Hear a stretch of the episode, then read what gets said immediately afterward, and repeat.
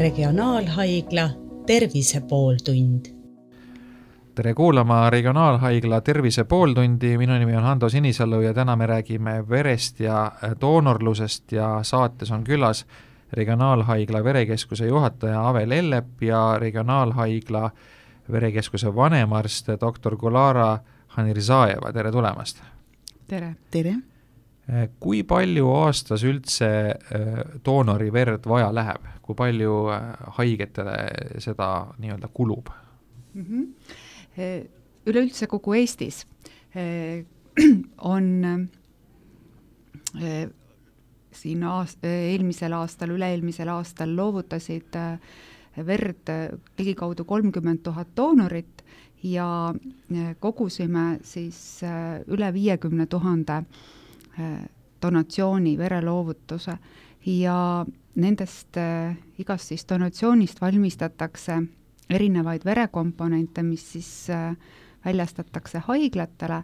Ja Põhja-Eesti Regionaalhaigla Verekeskus varustab erinevate verekomponentidega neljateist haiglat, tervise, tervishoiuasutust. Ja kuskil neliteist tuhat patsienti on siis erinevaid verekomponente aasta jooksul saanud. kui palju doonoreid üldse aastas läbi käib teie juurest? konkreetselt, jaa, meie verekeskusest konkreetselt äh, kuskil meil on andmebaasis äh, üle seitsmeteist tuhande doonori ja kui sageli on selline olukord, et äh, verd on puudu, ehk et kuskil vajatakse verd, aga, aga parasjagu teie varudes ei ole. Ütleme niimoodi, et iga päev me vaatame oma verevarud üle selleks, et ei tekiks neid situatsiooni, kus just puudu, et verd ei ole või ei jätku. Äh, ja e, vaatame oma varud, et oleks piisavalt äh, iga veregrupi kaupa veredo-, veredoosi ja kui märkame, et mingis veregrupi suhtes kas väljastame rohkem haiglatele või varud hakkavad kahanema, siis hakkame doonoreid aktiivseid kutsuma.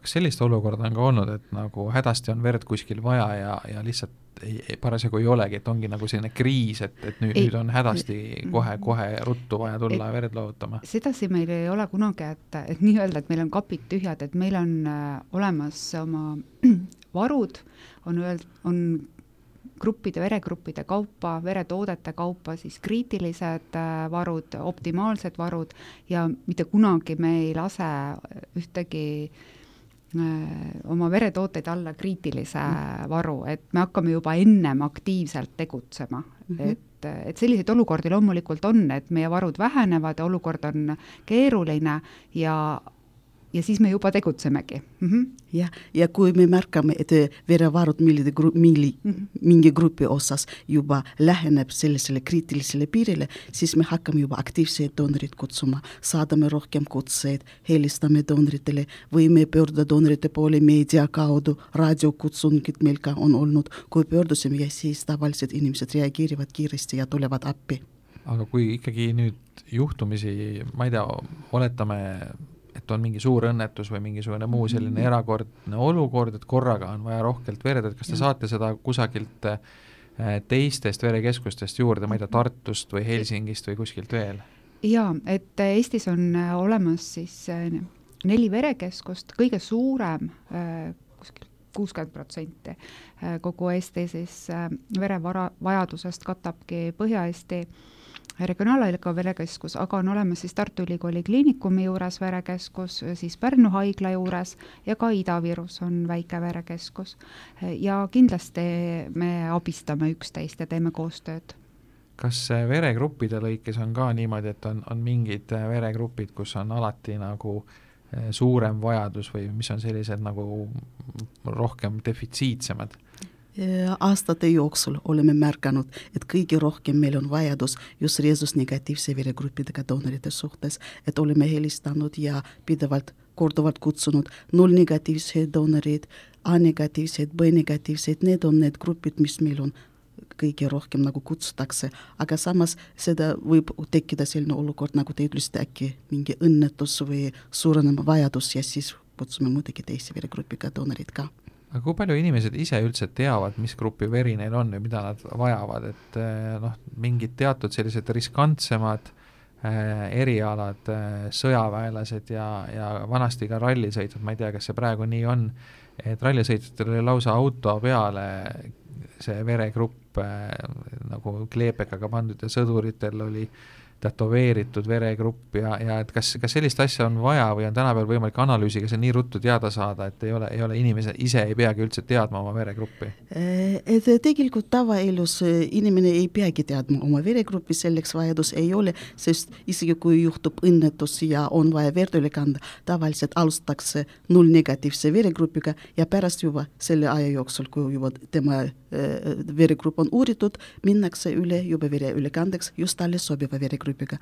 Te mainisite sõdalased, et ma tean, et praegu ka, et ajateenijatel on, on olemas pael ja metallist selline metallist ja, kaela, ja kaelakee ja, ja mille peal on graveeritud ja et nende verigrupp. Jah, see on aga, natuke isegi selline moe moeasi, et, mhm, et mhm. ja see vist Ameerikast tava, ja tavaelust selleks vajadus ei ole. ja vahest meil doonorid ka küsivad, et noh, inimesed, kes soovivad hakata doonoriks, et ma tahaks verd anda, aga ma ei tea oma verigruppi, kas ma tuleks. vot siin ütleks, et me ka nagu ei nõua, et inimene, kes tuleb doonoriks, teaks oma verigruppi. ei ole vaja, tulge koha peale ja verikeskuses me muidugi määrame, meie labor määrab verigruppi. Kas nüüd vere loovutamisega seoses on ka mingisuguseid eh, ohtusid, et eh, et on, on inimesi, kellele ei saa verd üle kanda või, või, või vastupidi, et kas seal on mingeid välistavaid tegureid ka? Te küsisite, kellele ei saa verd üle kanda või kes ei saa verd äh, anda? just nagu see vastuvõtja, et kellele verd nagu oleks vaja, ehk et, et siis patsient. haige patsient jah ja,, et kas on selliseid haigused või selliseid seisundeid, mille puhul verd äh, vastu võtta võõrast verd ei saa? Kindlasti on selliseid patsiente, kellel on keeruline leida sobivat verd, sest veri on väga individuaalne. Ja, ja, ja alati me iga patsiendi puhul sobitame, meil on eraldi labor, immunohematoloogia referentslabor, kes tegeleb just sobivate Äh, veredooside leidmisega ja on tõesti patsiente, kellel on keeruline leida sobivaid äh, veresid. Ja võib jääda mulje, et meil verekeskuses on näiteks piisavalt seal äh, A-positiivset verd, aga ometi nende hulgas me ei leia sellele konkreetsele patsiendile sobivaid doose ja peame veel täiendavalt oma andmebaasist otsima ja kutsuma neid äh, neid doonoreid ja neid ei pruugigi eriti palju olla, kes sobivad just, kelle veri sobib just sellele patsiendile ainult. et see on selline laiendatud fenotüüp ja sellest me räägiks ühel teisel podcastil täpsemalt, aga tõepoolest on, on selliseid olukordi küll, et, et äh, igale patsiendile ei sobi äh,, on väga keeruline leida sobivat verd ja., jah aga kas äh, mingeid sünteetilisi mm -hmm. selliseid vahendeid on ka olemas, et noh, et tegelikult äh, tegelikult teadus ju areneb ja, ja isegi noh, juba organeid valmistatakse ja. ju mingisuguste printerite abil ja, ja tingimata A absoluutselt, aga kahjuks on niimoodi, et on olemas küll äh, sellised sünteetilised hapnikukandjad, aga kahjuks nende kõrvaltoimed on nii äh, rasked, et pigem parem neid mitte kasutada. ja on ka tüvirakkudest sünteesitud niisugust nii-öelda kunstverd, kuid paraku see tehnoloogia on väga kallis, alles algusjärgus ja pole piisavalt äh, kättesaadav. nii et antud hetkel ainus viis äh, verd äh, saada, patsientidele vajalikku verd saada, on siiski doonor. Et lähiajal kindlasti ei ole ka selles mingeid olulisi muudatusi näha. kas kui, kui pikk see vere nii-öelda säilivusaeg on, et, et kas näiteks selline asi on ka mõeldav, et et ma ise loovutan enda verd ja jätan selle nii-öelda oma nimele kuhugile panka ja siis see külmutatakse või mis muul meetodil iganes see mm -hmm. seda säilitatakse, siis kui juhtumisi mul kunagi lähebki seda vaja, et siis on mul nii-öelda oma veri kuskil olemas, et kas see on mingi science fiction või on see, on see nagu päriselt ka võimalik?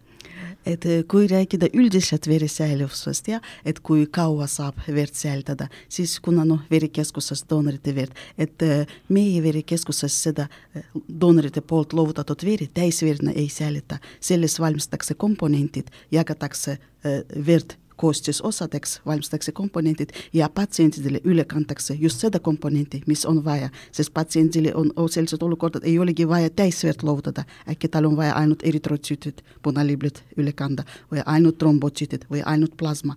Ja säilivusaeg igal komponentidel on erinev.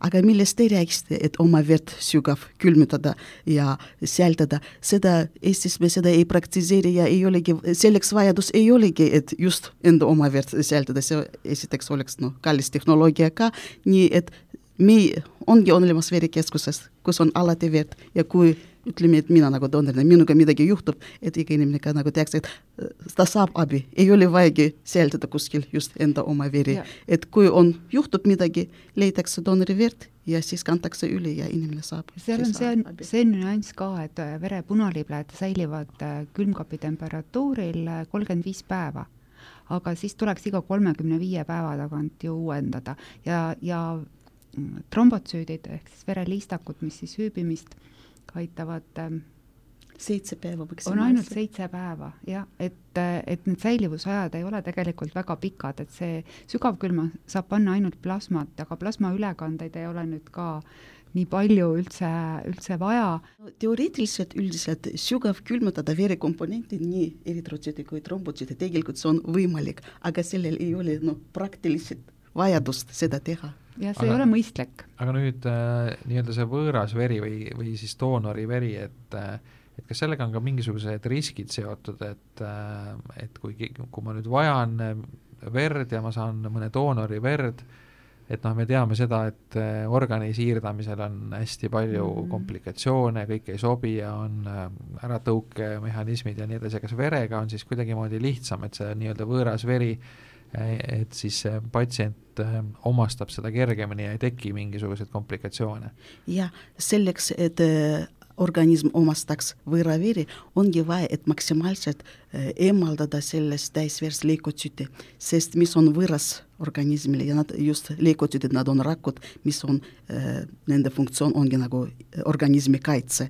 ja selleks ongi mõte, et selleks, et verekomponent äh,, täisveres valmistada verekomponenti ja kui me eraldame verekeskuses täisverest eritrotsüüdid eraldi, kindlasti seda eri, need eritrotsüüdid filtreeritakse, et võimalikult maksimaalselt elimineerida leikotsüüdid sellest massis, samamoodi trombotsüütidega ja äh, vereplasma ka on maksimaalselt puhas leikotsüütides. nii et verekomponentide kasutamine, see võimaldabki seda, et patsiendi organism omab võõraverd palju kergemini kui see oleks näiteks täisveri. nii et, et sellist asja, et nagu ühelt patsiendilt teisele kohe otseülekanne toimuks, et seda ei ole? ei, ei, ei, võib-olla te mõtlete seal nagu vanades filmides ja, oleme ja, näinud, et, et, et nagu voolike, kõrvuti nad ja, lamavad ja, ja just voolikust doonori veenist läheb patsiendile otsa. selliseid ülekandeid kindlasti ei teha. sooja verd jah, sest äh, me kogume doonori verd, see veri peab olema kindlasti kontrollitud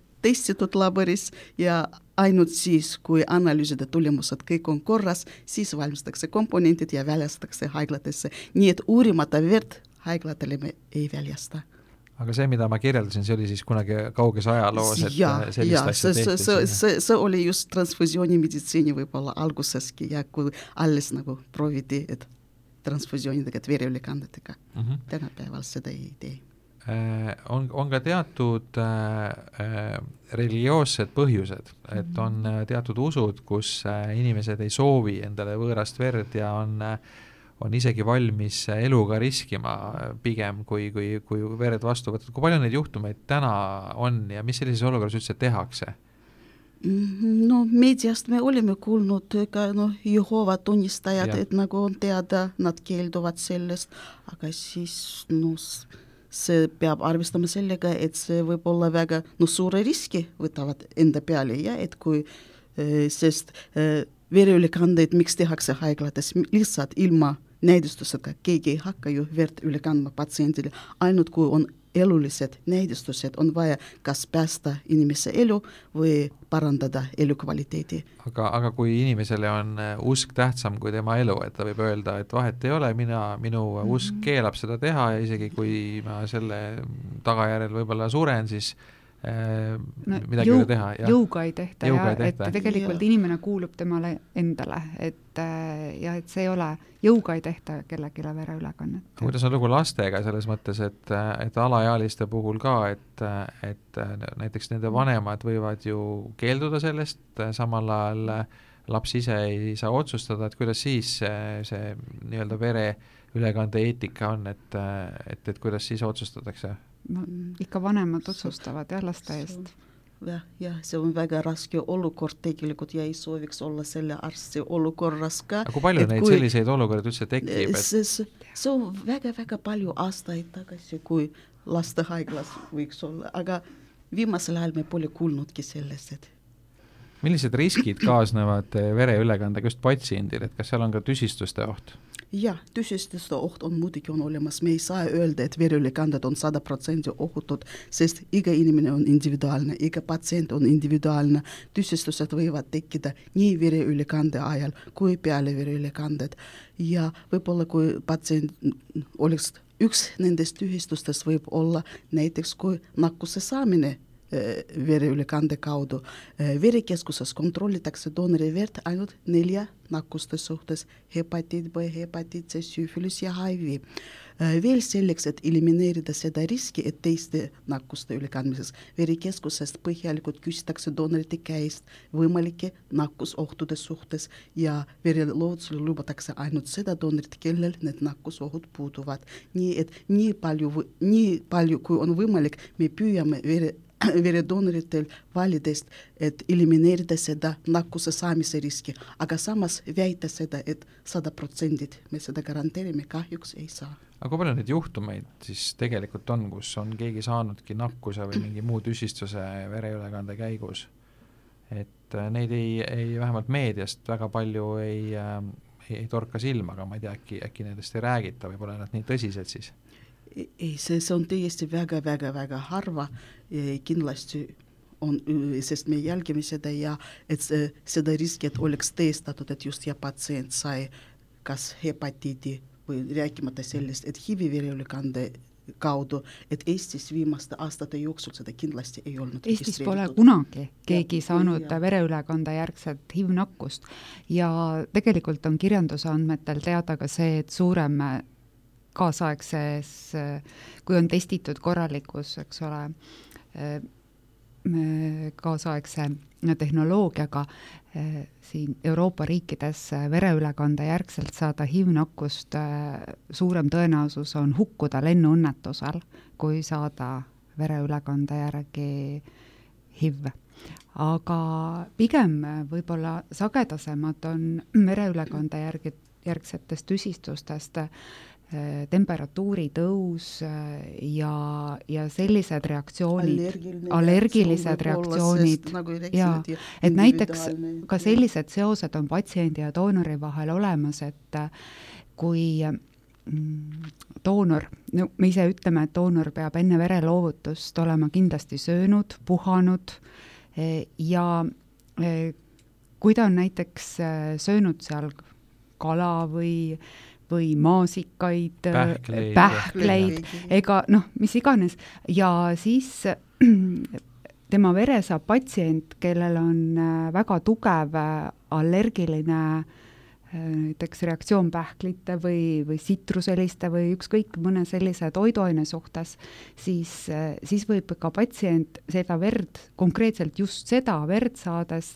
temal tekkida allergiline reaktsioon ja, ja näiteks kellegi teise, mitte tal ei ole allergia vere vastu, vaid tal on konkreetselt selle doosi, selle, selle hetke vere suhtes võib tekkida, et seda küll ka siis arstid, antihistamiinikud, selliste allergiavastaste ravimitega siis võtavad maha, aga ka selliseid reak-, need on nagu vereülekande reaktsioonid teadus ja meditsiin arenevad väga kiiresti, et mis on äh, selles vereülekande valdkonnas sellist äh, uut, mida kas nüüd just viimasel ajal te olete juurutanud või mis on äh, lähiajal tulemas?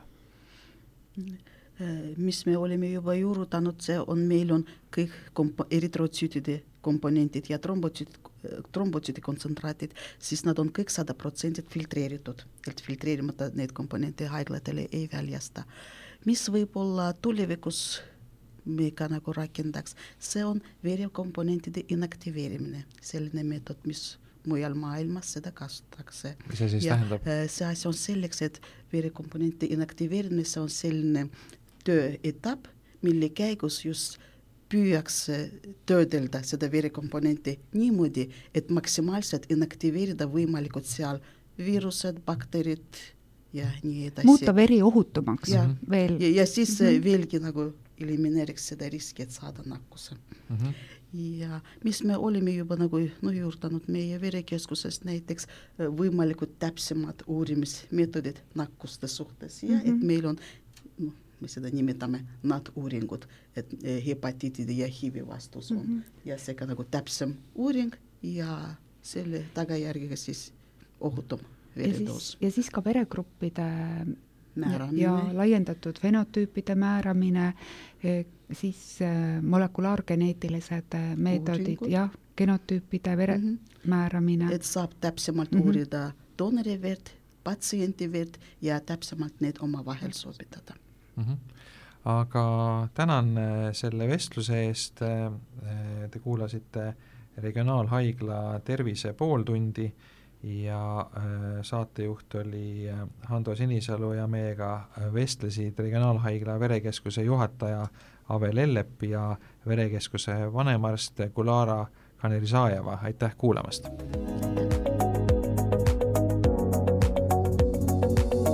regionaalhaigla Tervise pooltund